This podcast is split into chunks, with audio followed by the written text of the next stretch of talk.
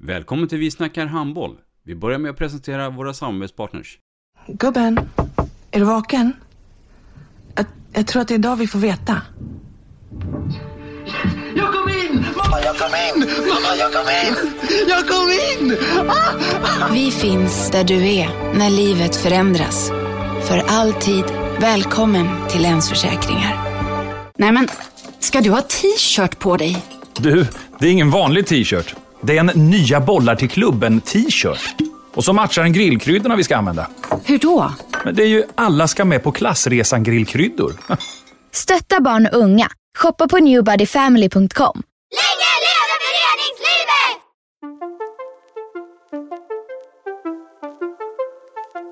Välkommen säger vi till dig som lyssnar till den nya handbollspodden Vi snackar handboll med Robban Z och Dagge. Vi snackar handboll, där du får veta alla sanningar som du inte visste att du missat. Vi snackar handboll. Idag i programmet Vi snackar handboll så Dagge har vi en gäst som är mycket spännande för svensk handboll och eh, en, också även en eh, äkta förenings föreningsmänniska. Precis, eh, så är det. Om vi börjar från början så har vi, så är vi har med oss Kalle Andersson som har gått den långa vägen som eh, från liten knatte till ungdomstränare och nu eh, i en roll på Svenska Handbollsförbundet som ska bli otroligt spännande att följa. Välkommen Kalle! Tackar, tackar. Jaha, Kalle Andersson, född 1993. Vem är Kalle Andersson? Ja, jag tänkte på den här, jag har lyssnat på några av era avsnitt eh, och så. Och då tänkte jag så här, ska jag sitta och berätta vem jag är när ni känner mig så väl? Men jag, jag gör väl lite för lyssnarna, så är det, jag är en bondpojke från början. Eh, född och uppvuxen i Hova utanför Märsta, eh, Sigtuna kommun. Eh, jag har alltid varit verksam i Skånla IF som ledare eh, och spelare. Eh, Ja, det är väl lite det om mig. Men det var inte självklart att det skulle bli handboll, för jag vet att du håller på med fotboll också. tidigare. Precis. Precis. Alltså jag, min familj har aldrig varit någon handboll. Jag är lite chockad att jag sitter här idag på Idrottens hus eh, med Svenska Handbollsförbundet. Eh, farsan ingen handboll, morsan ingen handboll, brorsan ingen eh, handboll. Jag hängde med i Pinbackshallen i Märsta när brorsan spelade hockey faktiskt. Eh, ja. Ja. Kalle, om vi tar det från början då, så jag har ju fått eh, förmånen kan man säga kanske att följa dig under hela den här långa resan från liten knatte i Skånelas bollskola eh, och eh, via ungdomslag och faktiskt hela, hela vägen upp i A-laget. Eh, du fick ju faktiskt, eller du var ju med, inte fick utan du var förtjänt av det, och var med även det här legendariska året när vi tog oss upp i elitserien. Eh, men om vi backar bandet och tar det från början så är du, eller var, en klassisk late bloomer. Eh, få trodde att du skulle bli elitspe- elitspelare, Kalle, när du som lite småtjock knatte sprang omkring i. Skånelas bollskola. Berätta lite om de här Ja, åren. men, eh, och det här hade jag tänkt att ta upp faktiskt. Så det är så här, eh, började eh, med, alltså jag blev ju dragen till handbollsskolan för några kompisar. Och så där, ja men jag testar väl den här handbollen. Eh, och sen var jag fast där för att det var ett gäng, vi var 42 stycken 93 som spelade handboll i Vikinghallen. Eh, och skitroligt, eh, idrotten och föräldrar och allting. Vi stöttade och bra gäng. Eh, och sen så fanns det ett väg, och jag spelade fotboll också eh, och var väldigt sen som du säger, late bloomer. Eh, jag hade brillorna på sniskan och lite kort och tjock, båda benen på jorden. Eh, och väldigt sen in i puberteten. Så det är det jag sa innan, jag är lite chockad att jag sitter här idag och håller på med handboll. För att man brukar snacka ungdoms-SM för U14, U16 och det. Skånela IF pojken 93 var jäkligt bra. Eller jäkligt, vi var i finalsteg eh, de åren. Och jag, jag kan nog räkna på mina två händer hur många minuter jag spelade de sp- spelen då, eh, finals, finalsteget då. Om du verkligen drar dig till minnes de åren när du satt liksom fast förankrad på avbytarbänken och i princip aldrig fick komma in under viktiga matcher.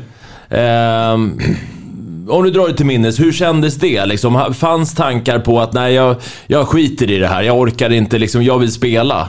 Eller hur gick tankarna? Det är lite så, jag, jag ska inte dra, alltså det många sa ju, både ledare på sidan och Janne Nilsson ska jag hylla för det, eh, som trodde på mig på lång sikt. Man fick alltid höra, när du har vuxit till dig då kommer det bli jävligt bra och bla bla bla bla bla. Så jag körde ju på. Eh, och det är lite så här, många säger då alla ska få spela, alla ska få spela, alla ska få spela. Jag tror inte jag hade suttit här idag om inte vi hade varit så vasst lag som vi var. Eh, att man fick vara med i Sverige-eliten. För, och det är lite för laget kanske att det var så gemenskap. Man kände sig med men man var ändå inte med. Jag tror det var bäst i laget på att heja på bänken på längst ner 17 spelare eller Mm. liknande. Eh, Men det var ändå en gemenskap och ändå några ledare som trodde på mig på lång sikt. Eh, Och det är Men- jävligt viktigt. Ja, men du tillhör ju ändå, liksom, du säger det, att, jag minns ju det där som igår, att liksom, det fanns ju någon talang där, men du som du säger, enormt sen in i puberteten och liksom eh, andra som du konkurrerade mot var ju liksom fyra fem år före pubertalt. Och, och det är klart att det är, att det är svårt att hävda sig då. Men du som själv har gjort den här långa resan som ungdomsledare med Pojkar 00, eh, känner du att att det är rätt väg att gå, så som dina ledare gjorde. Att de berättade för dig att du kommer bli bra på lång sikt, men du fick inte spela. Eller ska man spela med de här som blir, kommer bli bra på lång sikt i alla fall, med risk att förlora matcher? Jag vet inte om du förstår frågan? Ja, jag förstår. Eh, Och, så här, det är dumt, jag sitter på Svenska handbollsförbundet och säger att man ska spela med dem. Jag tror att jag passade med att vi spelade lite för att vinna och vinna matcher. Och jag fick ju spela mina matcher också, men att ledaren hade en tro på mig och en dialog med mig hela tiden, det är viktigt. Jag syntes alltid på träning, alltså fick alltid en dialog med träning. Eh, syns man inte, då kan det vara jobbigt. Mm. Så för mig var det bra, men det är inte Mm. bra för alla individer. Så Nej. jag ska inte säga att det är bra för alla. Nej. Du, eh, Kalle, hur, hur, ehm, hur var det som skolelev? Den resan? Jag tror, jag har alltid varit eh, tävlingsinriktad. Eh, Vill alltid vinna på det mesta. Eh, och då, det blev i skolan också. Eh, och jag tror man, idrottskille, tävlingsinriktad var framförallt lätt för matematik och sånt. Man bara skulle öva in tal och, och skitlätt. Och glosor, engelska, alla rätt jämt för det var lätt att öva in. Men sen tappade jag det två dagar senare till exempel. Så jag är helt värdelös på engelska idag. Ungefär som du Roman. Ja, ja. ja, det är bra. Eh, när du sen valde gymnasiet där då, hade du där börjat titta på vilken inriktning du vill jobba med? För att eh, du kanske Ja, gått lite grann i pappas spår också? Ja men eh, det var ju, gymnasiet hade man valt handbollen. Jag tror jag gjorde valet i åttan. Eh, för det blev jag. Vi var ju i Sverige, högre upp i Sverigeeliten kontra bondklubben SKV Gör. Eh, så jag valde handbollen och man skulle söka där i nian när det var, det var provträningar på Arlanda gymnasiet. Alla gick på de här träningarna och sen fick ju alla kompisarna besked när de kom in. Eh, Men jag var ju inte ens reserv. Det var någon sån här ABC. C var man inte ens reserv. Och där, där stod Kalle Andersson. Eh, Så banorna gick faktiskt i och redan där, ja, jag gillade ju ledarskap, farsan har alltid varit ledare och sånt där. Och då gick banan, jag tror jag sökte faktiskt ett program på Rubek med bara ledarskap. Eh, Men eh, sen kom det en annan bild att eh, till slut så kom jag in på Arlanda gymnasiet, kanske var min utveckling och Dagge du var ju ansvarig då så du Fast väl jag var berätta- oskyldig till att du inte kom in Nej, nej, men det kan vi lägga till. Det var andra instruktörer där. Vi behöver inte nämna dem. Nej. Nej. Och nå- någonstans där, kring de åren, då kommer ju också din eh, handbollsmässiga utveckling, kan man säga. Runt gymnasieåren så kommer du till slut in i puberteten också och, liksom, och kan hävda det på samma fysiska villkor som alla andra. Eh, beskriv den utvecklingen. Ja, precis. Ja, det, är, det är när poletten trillar ner och det händer någonting. Man, jag har alltid gillat att träna. Eh, och man, när man var där i nian, åtta, man kom sist på Coop, man kunde knappt springa. Så någonstans gav jag mig fan på att nu ska jag börja träna, ge det en chans eller någonting. Och då, om man har den inställningen så är ju ett gymnasium grymt. Alltså vi fick träna varje morgon, varje kväll med klubblaget och sånt. Så då hände det någonting, det gick jävligt snabbt för mig. Från A-pojk där 16-15, sitta längst ner på bänken och spela tredjeprismatch när vi ligger under 20. Till att junior hända lite och sista års junior så eh, får jag säga om man ska skryta lite själv var jag en tongivande spelare i laget. Mm. Eh, som var nära på att gå till steg fem då Mm. eh, i Vikinghallen. där. Och eh, som du redan nämnde var man, man blev, nu, jag gillar inte att hylla mig själv för mycket, men så här, att man var första spelare upp i A-laget från vår kull, 93-kullen. Mm. Så det är lite så här skam den som ger sig. Alltså, Det lever jag lite på, det kan jag fortfarande skryta med för att det är många som slutar. Eh, men här var det, ja, det är ju den här banan som man, man kan förklara med Henke Larsson, Stefan Löfgren och allting. Jag gick inte hela vägen, men det är en del av den resan. Typ. Robban har ju ett favorituttryck som, eh, t- som går mig alltså på, på nerverna ibland och det är ju det här att eh, trägen vinner. Ja, jag tänkte precis säga det också. Du, du ehm, Men det, men det tog ju stopp där sen. Alltså jag, jag spelar inte handboll idag och jag är bara 27 år. Ja, så det är, li- du har det är tagit lite en, andra en, banor. du har tagit en time-out. Fast det valet har du ju gjort själv. Du hade ju Precis. liksom mycket väl kunnat spela elithandboll nu. Jag tror jag Ja. insåg lite att, eh, jag, jag började ju som 17-åring som ledare. Jag insåg nog att, jag var ju mittsexa. Eh, och lyckades, jag är ju bara 1,83 lång. Eh, och jag ska inte säga till de som är 1,83 att de inte kan lyckas. För det kan man om man vill. Eh, men eh, det var ju lite hårdare arbete mot den som var två meter lång om man var mittsexa. Och i en liten förening som Skånela förstår jag förstår att man satsar på några andra eh, för att få en storlek eller liknande. Eh, det var ju en annan 94, Erik Karelius, som spelar än idag som vi, man satsar på innan då, det året vi gick upp i elitserien. Eh, om, vi, om vi stannar med de här ungdomsåren där och, eh, det laget du spelade med 93 var ju framgångsrikt i Skåne. Ni vann ju olika mm, tävlingar och det och, och var bra. Eh, sen blev du ju distriktslag. Den resan då, med Uppland. Ja, eh, distriktslag, det var ju fortfarande, det är man, Sverigecupen är man ju 15 år. Eh, och det, vi har ju pratat om det så mycket. Eh, jag var med i uttagen, jag tror att tack vare att en i vårt lag tackade nej för att vara med. Därför fick jag vara med i Sverigecupen. Eh, och eh, spelade vi inte jättemycket. Det var inte lika mycket där, som nu, att alla ska spela lika mycket och sånt. Det var lite tävling. Eh, så det var inte så lång resa. Det var ingen riksläger och sånt. Jag brukar skämta till Tobbe Klingvall som är nära nu, som var förbundskapten. Har du mig på några papper någonstans i listorna från ungdomslandslaget? Och då bara skrattar vi båda två. Ja. Vi kommer till det, för det, det, det, det har hänt lite grann den här resan och nu jobbar du just med spelutbildning och det. Så att, eh, men jag är lite nyfiken Dagge, eh, om nu Kalle inte blev en riktigt bra spelare eller gav upp eh, på egen eh, begäran. Så hade han en annan egenskap.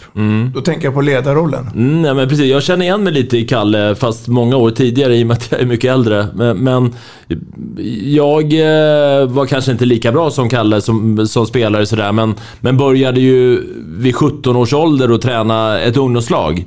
Eh, och kände liksom att det här är min grej, det här är roligare och jag kommer nog inte nå, eller jag kommer inte nå ända fram. Och jag kan tänka mig att Kalle lite grann hade samma feeling på något sätt att, att eh, det är för jävla roligt att vara ansvarig för ett lag eh, och kunna sätta sina, sina mönster och sina tankar och, och, och få det att fungera sen. Och sin prägel. Eh, sin prägel naturligtvis. Ja, det blir ju lite... Jag tror i grund och botten, kan man inte bevisa eller vara bäst på något annat, då måste man ju hitta något annat man kan vara bäst på. Så lite var jag. Eh, och fan nu, jag har haft jättebra ledare, Janne Nilsson, haft dig Dagge och andra.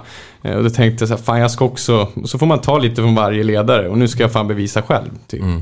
Eh, och så fick jag en fråga från Skåne att ta pojkar 00 då, som blev ett lag som jag följde i många år. Eh, och eh, lite kanske tack vare mig, men också mycket att det var jävla talanger i det laget. Eh, som gjorde att man brann för lite mer alltså. Och, och, och, och på den resan så gick du också tränarutbildning. Ja, Du började där. jag, har inte, jag jobbar på förbundet och jobbar som utvecklingskonsulent nu i ett år. Eh, och nu som ungdomsansvarig då. Eh, jag har inte gått alla tränarkurser. Så det är något som jag ska göra här nu när jag ändå... Så jag har nya TU5 då, tr- TS2 för alla som känner igen. Det är det. Eh, ja, spännande. Framförallt så är det roligt att, att höra att eh, man kan bli bra på något annat. Eh, även om man hade kanske en dröm att man ville bli en bra spelare så finns det andra alternativ. Vi har ju pratat om det förut. Man ska komma ihåg i och för sig också här, det, det är lätt att, att, att tro att Kalle inte var någon bra handbollsspelare, men han var ju ändå med i ett, liksom, eh, en av två mittsexor som, som, som eh, tog oss upp till elitserien. Så att helt oäven var du inte faktiskt. Nej. Ja, Jag ångrar, jag gjorde ju ett eh, år igen sen efter jag hade slutat. Jag ångrar lite ibland, då kanske jag inte suttit där heller, att man inte kämpade på lite mer. För det är ju många som slutar för tidigt. Alltså undrar hur man hade varit nu 27 år och ännu mer rutin och spelat, ja, en Skånda i Allsvenskan till exempel. Men, men kände du någon gång att du, att du nej Skåne, jag, jag lämnar er och, och går till en annan klubb för att få speltid och få... Jag tror jag aldrig var inne i de banorna när det gäller spelare, som var tränare. Eh, Men där hade jag ju bra i Skånla som tränare. Och det är väl nu när man valde, det kanske vi kommer in på, men valde åren om man skulle ta klivet och försöka bli tränare på riktigt. Alltså, det var ju ändå bara ideellt på sidan om det vanliga jobbet. Man ska ta det här klivet. Men då har jag kommit in på andra banor, som vi kanske kommer in på här senare. Om, om du ska få säga att till mig och Dagge och alla följare, en bra ledare, hur är han eller hon? Lyhörd och framförallt engagerad. Alltså, jag, var, jag har varit ledare i tio, tio år. Nu första året jag inte är ledare. Eh, på alla nivåer nästan nu. Eh, förutom elitserien då. Eh, och då är det så här, när man tappar engagemanget och motivationen, då, då ska man sluta. Alltså jag, sista året i Skåne jag skäms jag nästan lite hur jag var som ledare. Man gick ner till hallen och inte var där riktigt. Så engagemanget är oerhört viktigt. Och det är varenda sekund. När det är en träning, när det är match, inför alltså man är i den bubblan och där och då. Är det inte det vi brukar säga Robban? Intresse och engagemang. Ja, det hör ihop. Det är ju så. Sen Det- finns det ju massan där man ska vara bra på pe- pedagogiskt bra och fånga gruppen och allt det där hör ju ihop. Med, och sen kan man vara en bra instruktör för eh, träningar, sen kan man vara en bra på match. Så det är olika där också. En ledare som jag tror att du eh, uppskattar och tycker om, det är Dennis Sandberg. Berätta lite om honom. För ni började någonting, en, en resa tillsammans. Ja men Dennis, eh, jag minns eh, första riksläger när han ringde mig och frågade om jag skulle vara med som instruktör. Eh, och då hade jag bara hört om Dennis, det är svart eller vitt och han är hård. Och, och jag var ju skitnervös när jag åkte till Katrineholm, det var sista året i Katrineholm. Och skulle vara med som instruktör. Eh, men det rullade på bra, försöka vara sig själv bara. Eh, och så Dennis har stöttat mig oerhört mycket på vägen. Eh, var ju han som tog med mig en av, Tony Johansson och jag var ju med eh, kring 00-landslaget, Ja. 0001. Eh, så det är en som har stöttat på vägen. Då. Har ni kontakt idag? Ja, dagligen. Vi pratade här för en halvtimme sedan. Ja. Och det blir ju lite min nya roll på förbundet. Alltså det blir ju dagliga kontakter med alla förbundskaptener.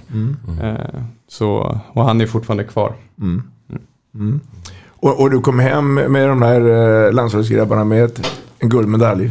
Ja, många brukar säga det när de driver med mig, det var ett självspelande piano. Och det kanske det var också. Eh, Men det som jag tycker är starkt med den resan, eh, när vi vann guld, U18-guld då. Det var tokfavoriter, eh, går knackigt som var den under resan och vi är nära på att åka ut. Och vi ska åka ut mot Spanien. Vänder och gör två mål på sista 30 sekunderna och vinner den matchen mot Spanien. Eh, och då sa vi väl redan tillsammans, det är så här man vinner EM-guld. Nu kan allt bara vända och gå framåt. Eh, och sen lyckades vi vinna alla andra matcher ganska, ja inte lätt men. Kommer du ihåg, det- kommer du ihåg den tiden Dagge? Ja, absolut. Men om vi stannar lite vid den, med det uppdraget som eh, ja, assisterande förbundskapten kan man säga då, bakom eh, Dennis. Eh, vilket typ av ansvar fick du? Vad var dina arbetsuppgifter? Liksom? Jag, jag förstår, De- Dennis hade ju sista ordet naturligtvis och var förbundskapten, men liksom, kände du att du verkligen var delaktig? Ja, men det, det kände jag och det, det var faktiskt en styrka från Dennis. Han hade sista ordet men han eh, gav oss mycket förtroende och säga vad vi tycker och tänker och kunde ta med det ut till spelarna också. Mm. Eh, och en fördelning mellan oss. Tony Johansson är ju fantastisk på att analysera och video och klippa och sånt. Han hade väl den rollen. Eh, Dennis förbundskapten. Så jag hade mer, om Tony hade mer anfallsspel, stöttning, hade jag mer försvarsspel, stöttning och så hade Dennis övergripande rollen. Och det vi gjorde, det var att vi var, om man får tre handbollstränare som åkte. Det brukar vara två handbollstränare och sen en överledare. Eh, Men Tony tog rollen lite som överledare. I det här fallet funkar det bra med att vi fick ännu mer handbollskompetens.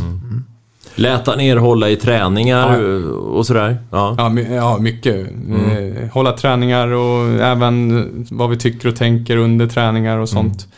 Eh, Så där tycker jag det var delat, eh, väldigt bra delat. Ja. Men grabbar, om vi ska prata den årskullen då, 00. Vad, vad säger ni om den? Nu om vi tittar i backspegeln lite grann. Ja, vi bollar till Kalle. Han, han har ju stenkoll på den. Ja, som vi sa, en självspelande piano det är en gyllene årgång eh, för svensk handboll. Eh, Och ni, där- var- ni var ju många också. Ja, precis. Det var väl redan som 16-17-åring var det massa upp i elitserien. Eh, så det, men det är, det är frågan också hur många tar klivet till att bli A-landslagsspelare. Nu Mm. ser vi ju dem. Walter har gjort det. Eh, Erik Johansson uttagen nu. Mm. Isak Persson på gränsen. Fabian Norsten på gränsen. Så det blir ju ändå ganska många. Det, Mm. det tycker jag är kul att eh, man tar hela vägen. Annars kan vi ju se kullar som Anders som är ungdomsstjärnor. Jävligt bra. U18, U19. Sen Vad tror du att det beror på det där? Att det kommer fram kanske vart tionde år? I det här fallet som jag tänker gå in på så är det faktiskt tio år emellan. Men vad, vad det kan bero på att vissa kullar blir så in i helvete bra och sen så blir kanske kullarna efter lite halvt mediokra. Jag tänker på 90-kullen var ju en sån kull där det liksom det exploderade ut elitseriespelare eh, ut till alla svenska klubbar. Och, och så året efter, 91, så är det knappt en enda. Och nu har vi den här 00-kullen med alla eh, de Hallbäck och William Moberg Andersson och Ljungqvist och alla liksom supertalanger. Vad beror det på tror du? Ja, jag svar på det, då, då kan jag jobba många år på Jag, jag, tror, jag, tror att jag har svar i alla fall. Ja, men vi, nu vill vi höra Kalle. Ja, du, sen får du Ja. fylla på. Eh, jag det var ju många lag som var starka redan från tidigt. Eh, Och jag vet inte om det är talangerna väljer handboll eller just i den stan Skövde. Alla de talangerna valde handboll. Och i, i Stenungsund och där Ville och Spante och de kommer från och Skånela. Alltså om jag tar från Skåne, Simon Lindberg och eh, Hampus Söderman skulle kunna bli fotbollsspelare på hög nivå eller hockeyspelare, men de valde handbollen. Så det är en det kanske, men ja, sen vet jag inte riktigt. Anna, vad, vad Ja, tänker men du på? min, min, min, teori är, nej, min teori är ju dels att det är ju ett gäng duktiga individer. Sen tror jag också att vi har varit inne på det engagemang och framförallt att bli sedd. Alltså att eh, den lokala tränaren gör det här jobbet. Jag, jag kan inte säga att... att eh, Fast alla- vad är det som säger att 90-kullen ska ha de allra mest... Eller 00-kullen har de allra mest kompetenta Nej, det- tränarna, men 01 har det inte. Nej, det det är svårt att kanske förklara egentligen. Men, men jag, jag tror någonstans att det, det är en kombination där. Att det, man, man, man, man är en talang när man kommer fram. Man eh, vill göra jobbet. Man har instruktörer som engagerar sig. Jag tror mixen där. Eh, och jag, jag Jag skulle inte- vilja se ledare. Jag vet ju att eh, typ Mats Ljungqvist var i Skövde och de fick ju en jättebra eh, kull. Och, eh, Ville Mobergs farsa var i Stenungsund och eh, nu- bra ledare tidigt i de kullarna. Ja. Kan det, jag har en, en, Jag en ytterligare 90. teori. Kan Ja. det vara så här att när det kommer fram en sån här superstjärna, vi kan ta vem som helst av de här 00-killarna, säg Hallbäck då, eller eh, Ville. Eh, att övriga talangfulla spelare i Sverige liksom på något sätt vill tävla med de här superstjärnorna och bli lika bra. Och att det liksom sprider sig som ringar på vattnet eh, i form av utveckling. Eh, jag, jag vet inte. Mycket, mycket möjligt. Skulle kunna vara det, så. Så kan det självklart vara. Men jag tror jag inte har något riktigt svar. Eh, Jag vet ju 90 och 00 nu är väl var, var tionde år säger vi då. Ja. Ja. 90, nej men... Ja. Nej, men eh, jag tror att det... Och det är ju så att det- det är ju en stark ungdomsgrupp. Sen är ju frågan hur många tar klivet upp till A-landslag eller blir riktiga proff, Ja. proffs. Eh, Fast A-landslag är det ju ändå så få som får vara med. Ja, men det är liksom. ju proffs också. Ja. Eh, alltså just nu är det väl några 00 som är ut som proffs. Men eh, 94-kullen som var jättestark. Det var kanske 95 drog längsta strået till slut. Mm. Eller 96, 97. Jag vet inte. Felix Klar framme nu som 97 va. Så, mm, men 00 var stark och det har inte kommit fram jättemånga 01 Alltså om man säger så. Nej. Ska vi släppa det och eh, gå tillbaka till ledar-Kalle, men utanför handbollsplan. Och då tänker jag att du fick ett samtal här för ett par år sedan och jobbade med Upplands Handbollförbunds kansli. Ja, samtal, det, den var ju bara en slump. Jag jobbade på skola innan, vi hade, skulle haft skol-SM. Och jag skulle leta domare till skol-SM. Gå in på Upplands handbollsförbunds hemsida och så står det att vi söker tjänst. Så jag var väl i en period, jag var lite, jag hade gjort skolan nu. Eh, så då ringer jag och söker den tjänsten. Jag tror att sista datumet var den dagen eller något liknande. Eh, fick komma på intervju och sen visade det sig att jag kunde få jobba på Upplands handbollsförbund. då.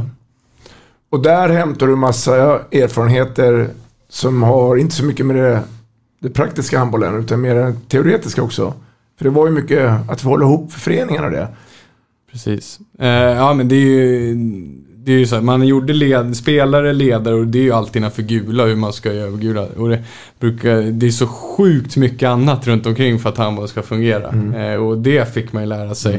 Eh, sen var man själv anställd och det var en eh, utmaning faktiskt. Ingen att fråga utan man får fråga sig själv. mycket. Och Jag hade en styrelse, bra kontakt med styrelsen, men eh, mycket göra själv då. Och jag har faktiskt lyssnat på ett avsnitt innan Robban och då var du lite kritisk till det vi har gjort nu med distriktsöversynen. Eh, och där kan jag väl säga att med, eftersom jag har erfarenhet från Uppland, jag var helt själv. Jobbade med tävling, utbildning, spelarutbildning och bla bla bla bla bla, som du brukar säga. Eh, då är det ju bara man är förvaltande distrikt. Alltså man gör ju ingen utveckling. Man bara förvaltar. Det finns ju inte tid för att utveckla det riktigt. Eh, nu när vi är fem distrikt, då kommer vi kunna, förutom norr just nu, men det kommer vi jobba mot, eh, så kommer vi ha fem distrikt med starka kontorspersonal. Eh, då. Alltså vi kommer ha en som jobbar kanske med tävling, en som jobbar med utbildning, en som jobbar med föreningsutveckling. Eh, och där blir vi mycket starkare i svensk handboll. Eh, och framförallt de fem är mycket närmare till SOF. Jag brukar inte säga så här SOF-distrikt. Vi är ju en stor organisation på 40 personer som jobbar med svensk handboll. Lite så. Blev du Det är lite övertygad nu Robban? Blev du övertygad nu? Sen, sen förstår jag dina, små orter, försvinner de? Men, men det är ju samtidigt den här lilla orten kommer ju ha bättre stöd. Att de har en utbildningsansvarig de kan, kan ta kontakt med. Ja, det, är det en som, tävling, det, eller- det, som det är ju en utmaning för SOF, alltså att det ska lyckas. Men jag som jobbat på Uppland och var själv tror på det här mycket mer. Du Kalle, en grej som eh, jag vet att du är stolt och glad över eh, hände under tiden med Upplands Samarbetsförbund. Om jag säger IF Arena, vad säger du då? Jag visste jag skulle komma upp. Det var ju du och jag som gjorde den resan Robban. Ja, Så det kan vi snacka om det, det var egentligen tillsammans. det, eh, men, men, men det var... det du ville ha sagt! Nej, nej, nej, nej, nej, nej, nej. Jo, du sa ju det. Nej, nej, nej. Tvärtom. Jag, jag vill höra eh, dina tankar där. För det blev ju någonting som blev ju fantastiskt lyckat. Ja, alltså mycket jobb men fantastiskt. Alltså, det var, och jag, jag tror jag var lite ung och dum när jag satt på Uppland och var kaxig. Fan, det är såklart vi ska ha USM. Innan jag visste vad det var för arbete. Men... eh, För du, du hade ju varit på de tidiga USM och sett hur ja, det såg ut. Och varit med lag och allt möjligt. Och så här. Nu, det var väl när vi gick in i IF Arena, du och jag Robban, Ja. att vi, ja, men vi söker det här. Eh, vi testar. Eh, utan att egentligen tänka efter. Eh, och, Men jag som utomstående här då, om jag liksom får ställa en fråga till er två som var med om den här resan. Hur många månaders heltidsjobb blev det här för er två? Ja, eh, det är svårt att säga exakt. Men, Heltid, men det var mycket Det var många jobb. timmar. Många timmar. Eh, men eh, jag skulle kunna säga två, tre. Mm. eh, Bara spontant så här. Där ni bara fokuser, Ja, fokuserade om, om på vi räknar ihop alla timmar så tror jag vi skulle kunna eh, få ihop det så att säga. Eh, varför jag egentligen eh, ställer den frågan. För att jag tror att det där är en av anledningarna varför du också sitter här. Med den framgången. För att du lämnar sen Upplands Hammarförbund. Med mångas tårar. Och du går in i Svenska Hammarförbundet. Och då är det så här att vi har en vän till dig som vill skicka en hälsning. Okej, nu då. Hej på dig, Kalle pojken. Det är Raffeman här. Jag hör att du ska få eh, tampas med Robban Z och eh, Dagge på eh, Vi snackar handboll. Och eh, jag lovar dig, jag kommer att lyssna på det avsnittet. Och eh, om vi ska prata om eh, häftiga värvningar och så, så gratulerar jag svensk handboll och eh, självklart dig också till att eh, ni har hittat eh, rätt och eh, ditt eh, sätt att eh, komma in i, i förbundet nu och jobba med eh, spelarutbildning och sånt där, va? det är eh, klockrent lycka till och eh, ring om det är något. Mm. Vad tänker du nu där? Ja, Raffe har varit eh, bra stöd på vägen. Och det, jag lyssnade faktiskt på det avsnittet innan jag åkte idag med Ralf Lundberg. Och det är ju så, det var en människa man skulle, kunde ringa när som helst. Och fråga lite var som helst. Eh, men det är hans rutin. Så han har varit bra bollpank. Eh, Kommer du bli en sån Kalle? Kommer du vara som Raffe, anträffbar jämt? Ja, men jag, jag, jag brukar i alla fall, om jag inte svarar på en gång så brukar jag alltid ringa upp. Eh, eh, sen kan det vara eh, vissa tider på dygnet, men jag brukar alltid, oavsett vilken dag det är, eh, så är jag Har du, har du redan fått eh, känna på det lite grann? Att, det, att eh, i din roll, nya roll här på förbundet, att, att, det- att det är folk från när och fjärran eh, som hör av sig Ja, men- i frågor som inom ditt ansvarsområde? Precis. Jag är lite lycklig lottad att det blir inte riktigt tävling och domare. Det är Ja. ju så jäkla bara under helgen och matcher och det händer saker och sånt. Min är ju inte riktigt lika så, men det ringer då och då. Och jag förstår ju att folk ringer en söndag, för då är de lediga. Eh, Det är ju ide- ideella människor. Eh, Så då ringer de och då får man väl svara och vara anträffbar. Eh, Men tillbaka till Ralf så var det ju värmande, värmande ord. Alltså skitroligt att höra. Eh, Så är det. Det var ju inte han som ringde förmodligen, men han kanske gav tips. För det var någon från Handbollförbundet som förmodligen hörde av sig till dig och bad dig komma hit. För vi sitter just nu på Idrottens hus. Mm. Nu får du berätta Ja, det den var... nya rollen. Jag tror att det var någon gång i... i ja, det är ju Robert Weberg som är GS nu, ringde. Eh, och då var, jobbade jag på Uppland fortfarande. Och då tänkte jag, nej, han, eller mejlade, kan du komma till kontoret för ett möte? Eh, och så tänkte jag, ja, det är någonting med Uppland. Eh, det var ju lite så här släcka bränder i Uppland och bla bla bla. Eh, men så frågade han då om jag ville börja jobba, eh, jobba på Svenska Handbollsförbundet då, som utvecklingskonsulent eh, till en början. Eh, så det var en ny tjänst. Jag tog inte över någon, det var en ny tjänst. Där jag stöttade både Lelle Söderström då på utbildning och jobbade med lite utvecklingsprojekt. Mm. Eh, och jag tror dialogen var eh, att förr eller senare, vi vet ju att Conny Ädersten, eh, vilken årgång han var eh, och förr eller senare kommer han gå i pension. Och då tror jag tanken var att jag skulle in på spelutbildning och idag är jag ungdomsansvarig som för spelutbildning då, och ungdomslandslag. Och, hur- och hur är det Robban Weber som chef? Eh, jag skulle säga jättebra. Eh, det är dumt att säga något annat nu när man har blivit värvad av han.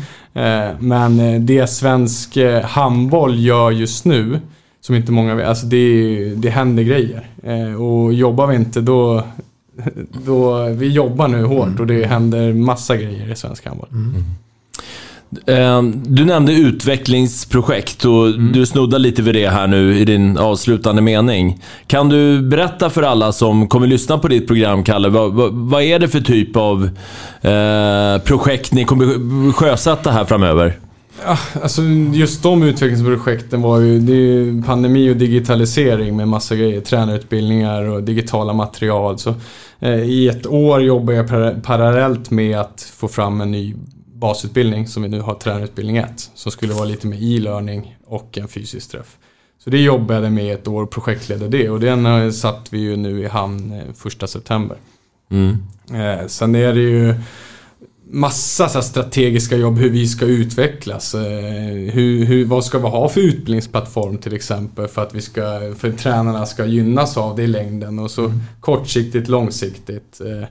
Eh, vad ska vi eh, lägga pengar på? Alltså det, jag sa det till Vedberg innan idag, det är så mycket som inte tränare och föräldrar förstår vad kontoret gör dagligen. Eh, utifrån det som händer på handbollsplan. Eh, Kanske lite oty otydlig där, men vi har bara den här, jag tog med mig den här faktiskt, en strategi 2021-2025. Där vi har vissa utvecklingsresor som vi måste förhålla oss till på förbundet. Eh, och det är ju från RF strategier. Eh, och så blir det väl utvecklingsprojekt på de resorna då.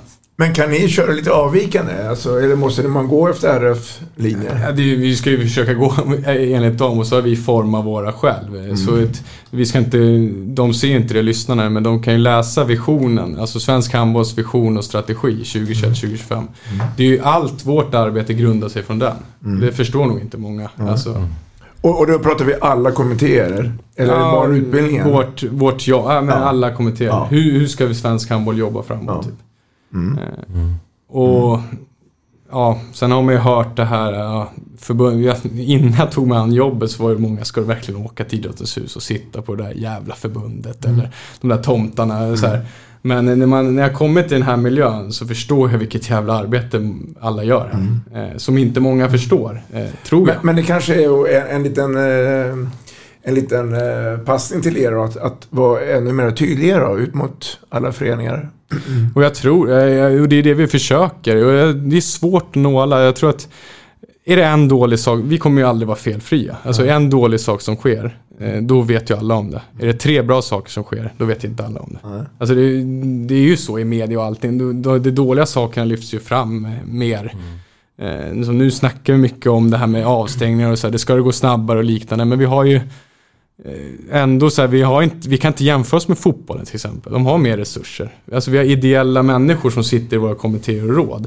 Sen kan vi göra massa saker mycket bättre och mycket effektivare. Eh, Men det är fortfarande, vi är inte på samma nivå som fotboll eller hockey med resurser. Eh, nu tog jag bara ett exempel, men det är det man måste förstå lite. Eh, att de som sitter i kommittéer är ju ideella och jobbar dagtid och. Men, men på det stora hela, känner du att Svenska Handbollsförbundet är ett förbund som inte sitter nöjt med, liksom, som inte bara förvaltar utan hela tiden eh, strävar framåt och vill utveckla sig och liksom nå nya jaktmarker? Och, eh, är Svenska Handbollsförbundet Ja. det jag beskriver? Ja, helt och hållet. Och det är ju det vi kanske måste nå ut med, som du säger Robban. Alltså för att här, man sitter inte en lugn stund än, alltså utan att, men men nu ska ni göra det här, nu ska vi jobba med det här. Eh, jag hade möte om dem med beachstrategi, hur ska vi få igång beachen på ordentligt? Alltså det kan ju vara en helt vanlig egen sport eh, liknande. Bara ett exempel. Så, och det händer saker i den distriktsorganisationen och vi ska alltid utvecklas. Eh, sen är det mycket prat om resurser. Men då får vi vara, hur kan vi bli resurseffektiva på förbundet? Lite så. Under ehm, pandemin här, Mm. förä- förändrades din eh, och era arbetsroller då? Jobbade ni på ett annat sätt då? Eller satt ni bara och... Ja, vi, vi åkte in till kontor allihopa som alla, nej, självklart det ändrades. Det var ju, stängdes ju ner och det var nog min första dag, eh, första mars 2020 när det slog ut ordentligt. Eh, Så det är väl nu förrän jag börjar känna hur det är att jobba på Idrottens hus med alla andra idrotter. Mycket digitalt, mycket framför datorn, digitala möten. Eh, Men samtidigt är det också en jättepositiv sak. Eh, Vi kan bli effektivare på att ha möten ideella personer. Vi behöver inte träffas i Malmö eh, den här månaden eller någonting. Vi kan ha ett teamsmöte på kvällen eller liknande. Eh, så det, och, men samtidigt får vi inte tappa de fysiska möten. Och det har ni hört flera gånger, alla säger så. Om, om du går in lite djupare i din själva anställningsform. Mm. Eh, hur, hur ser, hur ser vardagen ut här nu då för dig? Ja, eh, från Conny Gärdesten som jobbat här i många år. Det är ju hans roll jag tog över nu från sommaren. Eh, Och då är jag ungdomsansvarig. Eh, Det är övergripande om spelarutbildningen. Övergri- Riksläger. Ja, riksläger, regionsläger som vi vill få in. Och hur jobbar man ända ner från distrikten upp till A-landslag då. Eh, Och där är vi ju ett team där Hanna Fogelström jobbar som landslagsansvarig. Men det är mer seniorlandslagen. Och, och, och Dagges verksamhet med gymnasieträning, det ligger utanför. Eh, Där är jag med också lite. Det är ju så här, förut har man jobbat sina, för, jag vet inte, jag ska inte säga förut, det är man hör, men det är mer stuprör, man har sina, nu jobbar vi mer övergripande, tillsammans mer, känns det som i alla fall. Eh, Lelle Söderström har mer kontakt mot NIU, eh, men självklart ska jag vara inkopplad där också. För att NIU är ju där de kan utvecklas enormt mycket, våra spelare. Så hur kan vi få in spelarutbildningen där? Eh, Men det är riksläger, det är strategiskt, vilka instruktörer, förbundskaptener ska jobba kring spelarutbildning i SHF. Hur når vi alltså spelarutbildningen ut i distrikten? Hur når vi tränarna? Hur når vi individerna? Eh, För jag hörde också tidigare avsnitt att det är så liten tid. Ja, det, det är en liten tid som vi har med SHF. Eh, Men det är ju bra att vi har en grund, det här tycker förbundet vi ska jobba med. Men sen måste vi nå föreningarna, tränarna och de, den dagliga verksamheten. Med, med risk att annars tappa tråden, Kalle. Du, du ber- berörde ju lite grann det här med NIU. Mm. Och för något år sedan så kom det väl en, eh, en, en ny regeringsreform egentligen. Att NIU på sikt ska förändras. Eh, det ska bantas, det ska bedrivas i handbollens fall då på mycket färre orter. Eh, hur långt har man kommit där? Vad vet, vad vet du? Ja men det, det, och det är ju en ganska färsk nyhet, det är att den har lagts på is nu. Den, det var att man skulle banta ner eh, antalet nio gymnasium eller eh, pengen och antal aktiv- och så. Men det läggs ner och så nu är det lite som vanligt igen då, om man Mm, säger så. mm. Eh, så vi har väl 37 nio gymnasium i svensk handboll idag. Så just nu ligger det på is? Ligger på is just nu. Ja. Så ni 37. kan vara lugna på Arlanda gymnasiet. 37 säger du, kan, kan det bli flera? Eller är det... Ja, det är frågan, ska det bli fler eller ska det bli färre? Alltså det, jag kan inte svara på den Nej. frågan, men eh, ett NIU ska ju vara nationellt idrottsgymnasium och det finns ju vissa krav som SHF ställer eh, för att ha ett NIU. Eh, och de där kraven ändras väl från år till år och vad ska ett NIU vara egentligen? Alltså, Mm. Jag lyssnade också i det med Ralf där, att Mm. det kanske småföreningar kan försvinna och liknande. Och det är väl en utmaning. Mm. Men samtidigt ger ju NIU jättemycket för svensk handboll också. Mm. Ehm, Ja, vi behöver inte gå in på de Nej. detaljerna mer. Om, om vi tittar på upplägget med rikslägren Mm. eh, så lämnar man ju för några år sedan Katrineholm och är nere i Halmstad. Mm. Eh, är man nöjd med den planen och den upplägget som är just nu?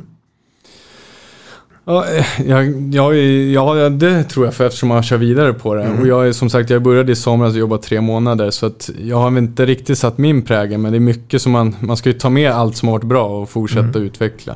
Eh, och eh, de är bra, men sen kan vi ju tänka över riksläge. Ska det vara så många dagar, så många pass? Eh, det är lite som att gå tillbaka till stenåldern när vi ser ett riksläge. Man tränar 7-8 pass på tre dagar. Mm. Och det vet vi om. Eh, men det, just nu har vi så, hur kan vi forma de passen med intensiteten och liknande?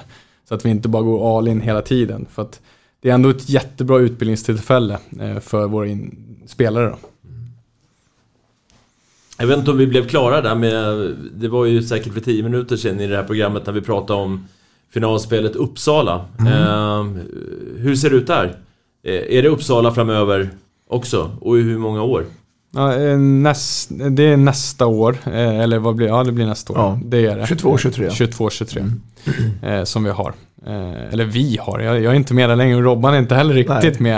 Eh, sen har jag sagt, det är ju handbollsförbundet Öst nu som har tagit över det ansvaret. Eh, och jag har sagt att jag är behjälplig och, och, och hjälpa på traven. Eh, för vi insåg ju att det finns mycket vi kan göra bättre på den resan också. Eh, för det var första gången. Ja, i och med att också det, det, det är ett innebandyfäste. Så att, eh, men det finns ju hur mycket möjligheter som helst. Det är jag helt säker på. Ehm, Ja, det är spännande. Du är också lite grann involverad i ungdomslandslagen.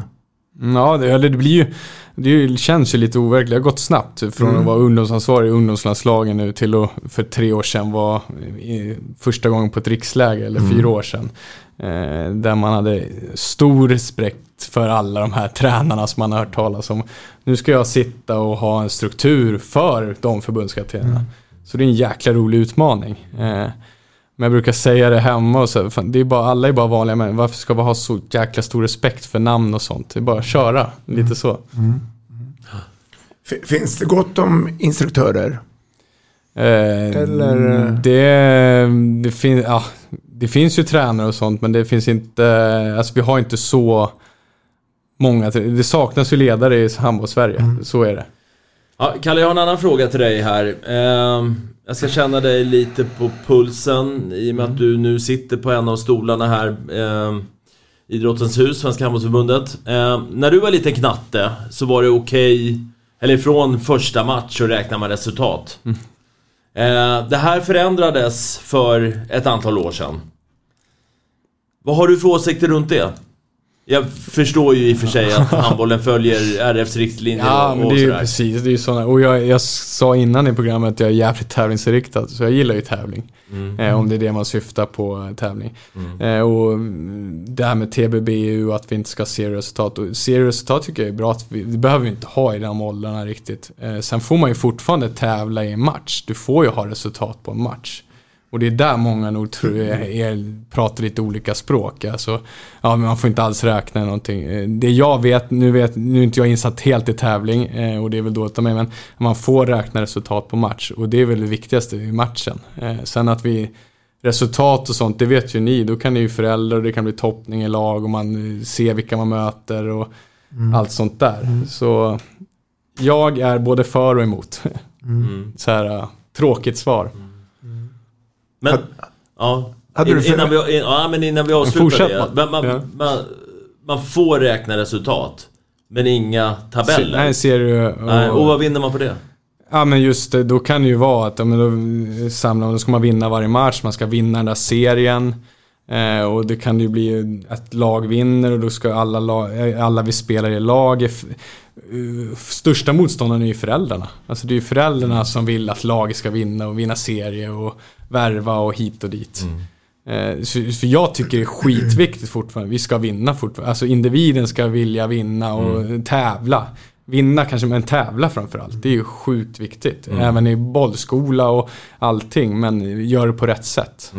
Och det behöver inte bara vara tävla om vem som är mest mål. Tävla i varje moment under en träning. Alltså eh, tävla själv som individ. Eh, idag ska jag tävla mot mig själv också. Alltså, tävla ska vi fortfarande ha kvar. Och det är det som jag tror många, ja, vi får inte tävla längre. Alla bara ska vara med hela tiden. Men vi får ju tävla, men på rätt sätt. Men, men utan att veta, är det här ett, eh, unikt i Sverige? Eller hur ser våra exempelvis grannländer ut? Hur, hur, hur tänker de? Det någon som vet det? Ja, jag har ingen Ja, aning. ja, ja, det borde, nej, jag har faktiskt inte det svaret hur det ser ut i Danmark och Norge. Men jag, jag, jag tror att det ser ungefär lika ut. Men jag tror, det har fått en fel stämpel här med tävla. Eh, Det är det jag försöker punktera. Jag tror man, eh, alltså man får fortfarande tävla. Men inte ser resultat. Och det kanske är rätt. Eh, Och det, är- TBB har väl funnits några år nu och det är väl utvärdera efteråt vad det har gett för någonting också. Om, om jag får gå in lite grann. Vi, vi pratar om det här med eh, spelutbildning och vi pratar riksläger. Och vi pratar lite grann om det här med eh, distrikt. Numera heter det regioner. Nej, det heter distrikt. Faktiskt. Ja, Jag har hört dig säga regioner för Ja. det, är, det är fem distrikt nu istället. ja Men okej. ja, det var bara en liten ja, sån. eh, Den verksamheten i spelutbildningen. Mm. Hur, hur, En Hur, utmaning. tänk- hur tänker du där? Hur, En uh, utmaning för att få det. på vilket sätt då menar du? Alltså vi har ju ett koncept, spelutbildning 2.0, som Mm. togs fram för något år sedan. Eh, och den ska genomföras i distrikten innan, precis som man har haft i alla år. Och sen blir det en Sverigecup. Eh, vi på Svensk Handboll jobbar att fler ska vara med längre. Eh, fler ska få den här utbildningen. Eh, vi jobbar för att Sverigecupen kan utökas, för fler får vara med där också. För där har man också sina synpunkter, ska vi ha Sverigecup, ska vi inte ha Sverigecup och liknande. Eh, Men i distrikten så jobbar man med ja, åtta distriktsläger. Eh, Sen är det lite, det håller på att sätta sig. Eh, Ska man ha heldagarsläger, ska man ha kvällar eller liknande. Eh, Och det är lite upp till distriktet just nu att forma. Men intentionen och materialet finns och det ska, ska för, eller bör följas. Så att säga. Vill du fylla i någonting? Nej, jag har en annan eh, fråga egentligen. Det här som rör Sverigekuppen Tidigare så var det ju så att de stora distrikten såväl som de små hade ett lag representerat. Eh, Värmland hade ett, Skåne ett, eh, Göteborg ett och så vidare. Nu på senare år har det ju blivit så att de stora distrikten har två lag. Är det ett direktiv ifrån förbundet eller är det något som distrikten själva har valt? Det är väl en kommunikation. Eh, alltså vi, som jag sa, vi vill ju att fler ska få möjligheten att vara med längre. Ja, precis. För att det, jag, jag tycker ju att det är en otroligt positiv utveckling att Stockholm har två lag och Skåne och Göteborg likadant. Eh, för jag menar, annars är ju risken väldigt, väldigt stor att spelare nummer 16 till 30 eh, som sannolikt är mycket mer talangfull än spelare nummer 8 i Norrbotten eh, inte får visa upp sig i Sverigecupen. Så jag kan ju känna egentligen att det borde vara ett, alltså ett, ett krav från förbundets sida att, att, att det ska vara två lag från de stora distrikten. Eller kanske till och med jag, vet, jag vet inte om det har varit, eh, mycket så här, jag är ju färsk i det här, eh, men jag vet inte om det har varit ett krav, men det har ju blivit som en grej som att det följer med, fler ska få chansen. Mm. Nästa utmaning är nu med nya distrikten. Hur ska vi dela upp det i en Sverigecup? Mm. Eller hur många lag ska varje distrikt komma med? Och vi, ska man ta från de, de som har kommit längst fram i utvecklingen eller ska vi sprida det för att inte få ännu mer vita fläckar? Mm. Det är ju något som är igång nu och där jobbar ju jag i tät dialog med de som är utbildningsansvariga i de här fem distrikten. Eh, Så det är, ja. Kommer vi få se juniorkuppen tillbaka? Eh, Det kan inte jag svara på faktiskt. Jag tror inte som det ser ut just nu. Varför inte då?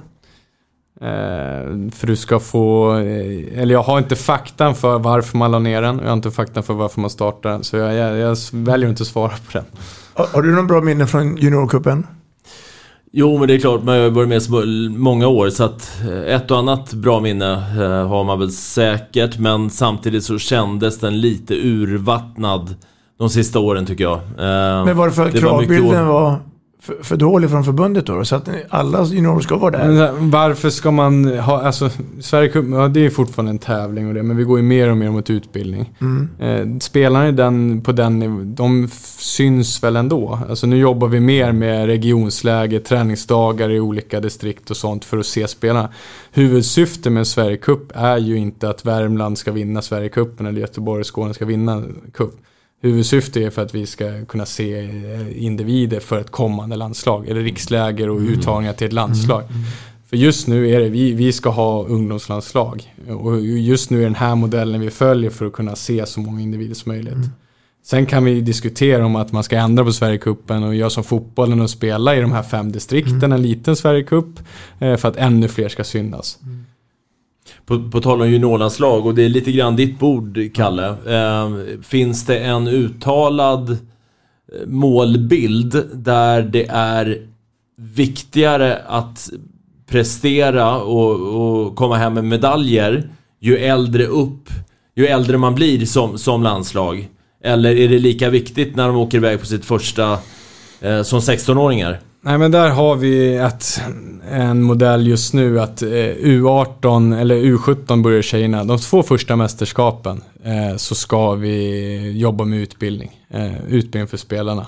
Eh, sen blir det en trappning. Det blir, sen blir det de två sista mer utbildning, prestation eh, och sen eh, resultat. Och seniorerna ska ju ha resultat varje gång. Eh, desto mer, bättre resultat vi har där, desto mer resurser Så man kan säga att det är en- en Det är successiv trappning. upptrappning. Ja, en trappning, Ja. precis. Och där kan jag lägga till många, alltså vi, i man kan säga att de spelar fem mästerskap som ungdom. Eh, om vi räknar med EOC eh, i Mm. Partille Cup då. Mm. Att vi tar det som mästerskap. Och då har vi sagt att eh, vår rekommendation är att man bara spelar tre av de fem mästerskapen. För att vi in, Okej. som, som individ, för annars Mm. kan man ju spela med 16 spelare Det varje nytt. mästerskap. Det är lite nytt. Eh, och 00 var lite först med den, men Mm. vi bytte ett helt lag. Eh, men det är kanske inte att man byter ett helt lag, men att fler ska få möjligheten att spela och få utbildningen. Mm. Eh, och så trappas det upp mer och mer. Mm.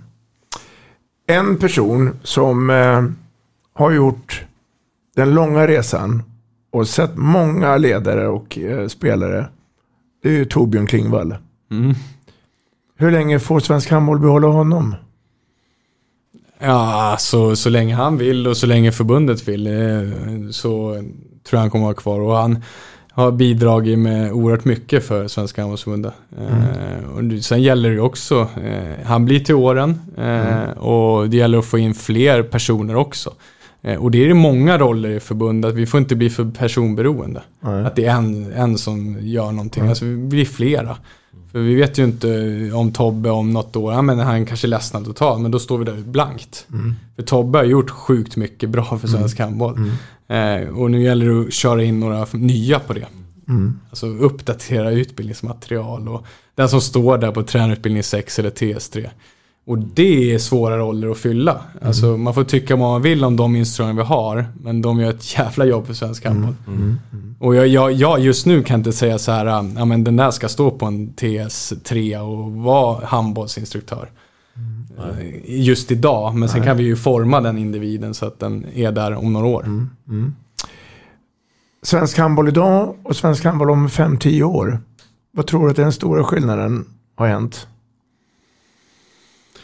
Ja, att här distrikterna får sätta sig, att vi blir en starkare organisation i helhet. Eh, Att vi inte bara är förbund och distrikt. Alltså vi, eh, vi hade en personalkonferens här för ett tag Vi är 40 stycken ungefär som jobbar i svensk handboll. Och det är vi 40 som ska utveckla det tillsammans. Tillsammans med föreningar och sånt då. Och jag tror att det, det, det jag ser och det jag har bara, jag har bara jobbat ett år nu, att det, det går positivt framåt. Om jag korrigerar Robbans senaste fråga då till att Kalle Andersson, vad gör du om tio år? Ja, det jag har sagt till mig själv innan, bara för jag är tävlingsriktad, så byta jobb var femte år bara för att få en utmaning. Eh, så får vi se, det finns ju fler jobb inom svensk handboll. Men jag, just nu känns det här jätteinspirerande, men det är mycket att ta in eh, och det finns mycket att göra. Eh, så just nu trivs jag som bara den. Men jag, som jag sa till innan vi började spela in, jag gillar att vara handbollstränare också. Mm. Jag vill inte släppa den helt. Nej. Men jag är bara 27 år, eh, vem vet. Så jag kan ju vara handbollstränare i 37 också. Mm. Och om, om du nu blir, går in i tränarkarriären igen, eh, vill du jobba då med elit? Eller kan du tänka dig att jobba på den breda marknaden på ungdomssidan? Ja, eh, jag tror mer mot elit. eh, Och det är väl för att eh, jag skulle någon gång i mitt liv testa att vara, eh, och så ska man få frågan för det också, men vara elittränare och kunna livnära sig ganska bra på det. Alltså nu, jag har bara testat på att vara elit i Allsvenskan Skåne och jobba 100%. Och det funkar i två, tre år eh, på den nivån. För sen blir det som jag sa, började med att fan, man kom dit som ett spöke ibland för att du hade haft ett möte innan och snackat strategi för svensk handboll. Så ska du ner och hålla och vara inne i det här engagemanget, i den här bubblan. Så, eh, och det är det, mm, alla får inte den chansen, men kan vi få fler som får de chanserna så kan vi nå en utveckling också. Och där är jag, eh, har ju NIUT en jättebra, just det, det är tur att vi har NIU kvar. Alltså den ger ju många halvtidstjänster då, eller vad man ska säga. Mm, det är spännande. Ja, Dagge. Eh, vi ska runda av här. Vad är ditt intryck av Kalle Andersson, den här bondpojken från Märsta? Från Hova? Ja. Ja, alltså... I min värld har ju Kalle alltid varit en ambitiös och positiv och framåt kille. Som, eh, som man säger själv, gillar utmaningar. Eh, rätt orädd av naturen. Eh, att kasta sig in liksom i ja, landslagssammanhang och nu på förbundet och så vidare. Och så, där, så att jag ser en eh, ljus framtid för Kalle Andersson faktiskt. Och Kalle, eh, dina slutord till alla ungdomar nu som håller på från norr till söder och, och, och vill. Eh, Att, eh, jag skulle, eh, det är väl det som sammanfattar, att man det finns en jävla massa möjligheter att jobba med idrott. Alla kan inte bli landslagsspelare, men ge inte upp. Alltså det finns, jag hade inte suttit där om jag hade valt SKV Gör, fotbollen.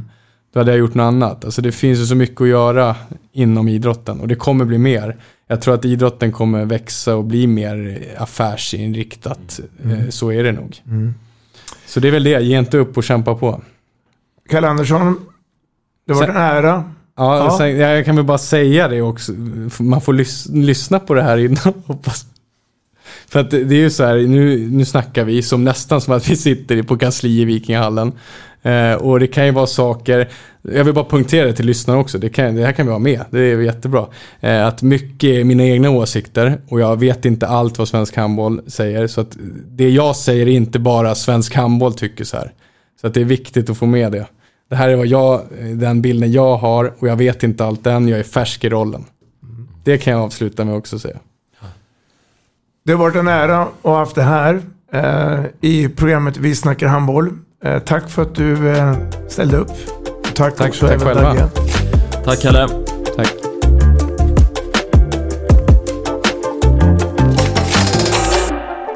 Vi snackar handboll, där du får veta alla sanningar som du inte visste att du missat. Vi snackar handboll. Vi snackar handboll produceras av produktionsbolaget High On Experience, från vision till passion.